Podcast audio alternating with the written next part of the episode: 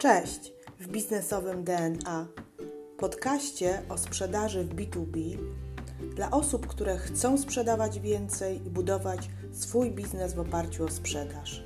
Nazywam się Ewa Piotrowska i w tym podcaście udzielę Ci praktycznych wskazówek z zakresu pozyskiwania klientów, prowadzenia procesu sprzedaży oraz zwiększania ilości klientów.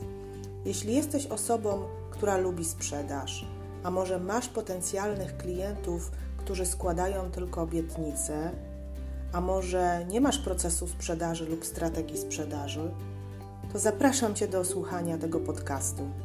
Zaczynamy.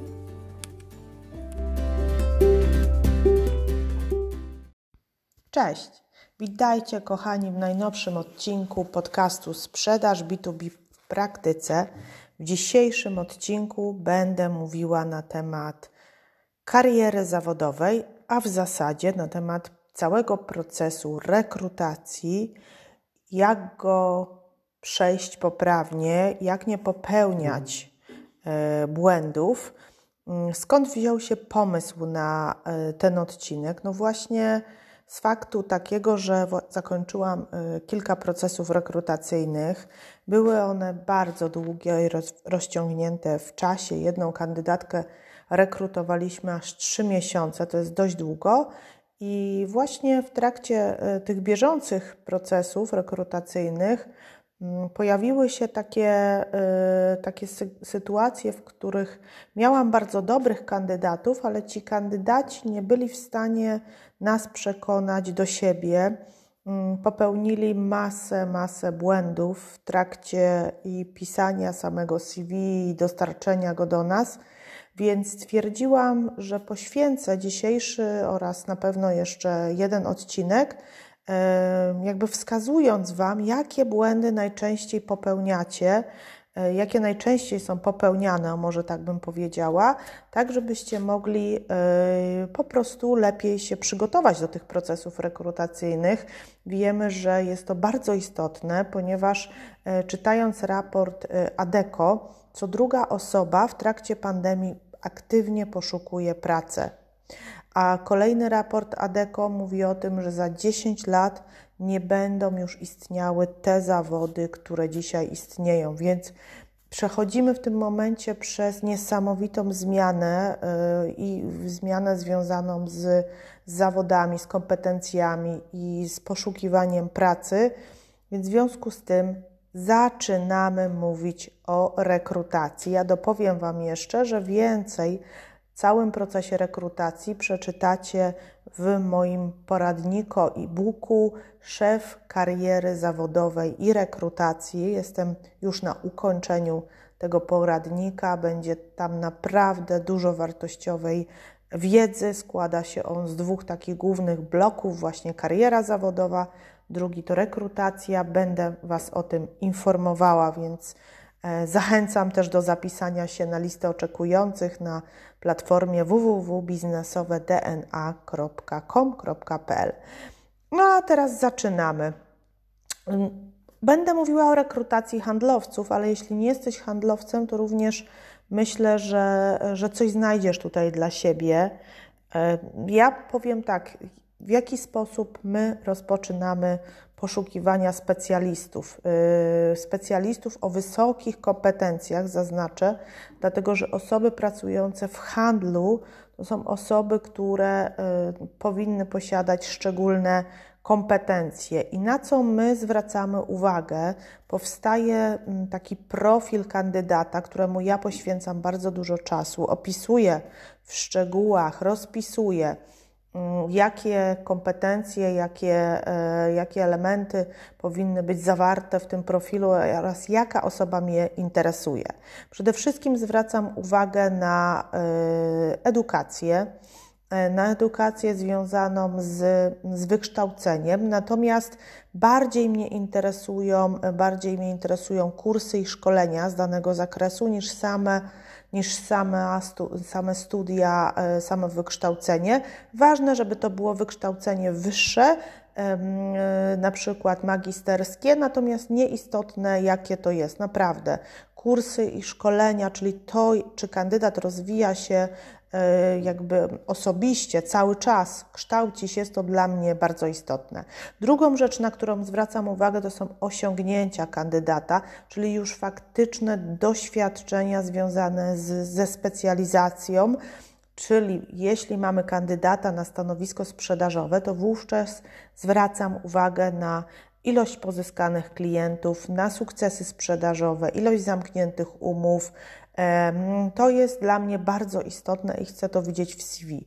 Kolejna rzecz, kolejna rzecz to są umiejętności, e, umiejętności zawodowe, ale też kompetencje miękkie, tak? takie bardziej kompetencje interpersonalne, e, umiejętność podejmowania decyzji, umiejętność podejmowania e, ryzyka, zdolność opanowania opanowania stresu, komunikacja z klientem. Jest kilka takich kompetencji bardzo istotnych dla, mm, dla obszaru e, handlowego, które sobie w tym profilu e, wypełniam. I ostatni obszar to są uzdolnienia kandydata, czyli jakieś inicjatywy, wolontariaty, mm, coś gdzieś, jeśli kandydat brał udział, ale też to jest umiejętność rozwiązywania problemów to te uzdolnienia są już badane na dalszym etapie rekrutacji, czyli już na e, spotkaniu, na, na, na jakimś e, spotkaniu praktycznym. No i tak, rekrutacja trwa. E, zapraszamy w naszych kandydatów na do udziału w tej rekrutacji. Wysyłamy ogłoszenia poprzez różne kanały i poprzez kanały y, portale Pracuj.pl czy też inne, poprzez media społecznościowe. W zasadzie poszukuję kandydata zazwyczaj metodą bezpośrednią. No i kandydaci mam wrażenie, że czytają y, ten opis i składają swoją ofertę pracy. Wyciągają jakieś swoje CV, Zazwyczaj jest to CV, które e, nie do końca jest uaktualnione, a na pewno nie jest spersonalizowane. Piszą e, list motywacyjny bardzo ogólnie i wysyłają.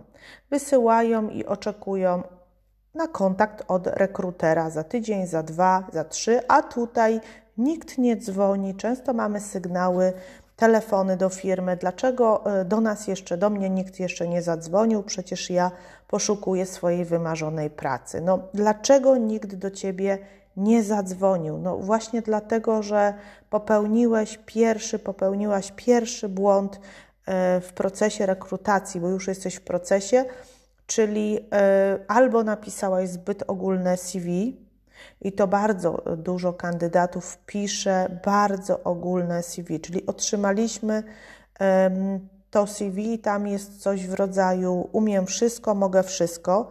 Pamiętaj, że jeśli e, Twoje CV jest zbyt ogólne, to my nie będziemy wywnioskowywać, my nie będziemy się domyślać, my nie będziemy dopytywać. Pracodawca na tym etapie nie angażuje się w kontakt z kandydatem, ponieważ nie zna Ciebie, nie ma informacji o kandydacie e, i w tym momencie, jeśli Twoje CV jest tak ogólne, zostaje ono odrzucone.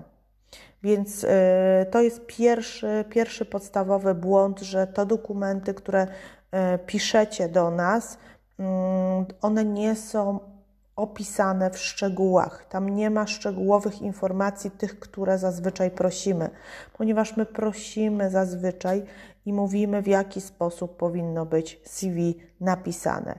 Kolejna rzecz powiązana ze zbyt ogólnym CV to jest nieznajomość wymagań i nieznajomość oferty pracy. Czyli ja mam wrażenie, że my piszemy, ja piszę wymagania co do kandydata, piszę w jaki sposób, na kim mi zależy, a kandydat y, składa, y, składa swoją ofertę na stanowisko, które chyba nie do końca go interesuje, dlatego że wnioskuje, E, że jego mm, kompetencje, jego doświadczenie w ogóle nie pasują do, do stanowiska, które chcemy obsadzić. Więc błędem, bardzo dużym błędem kandydata jest nieumiejętne czytanie wymagań i składanie tej swojej aplikacji bez zastanowienia się, czy na pewno nadaje się na, na to stanowisko. Zadajcie sobie takie pytanie, czy nadajecie się na to stanowisko, czy ten wasz profil pasuje do, do, do stanowiska, dlatego że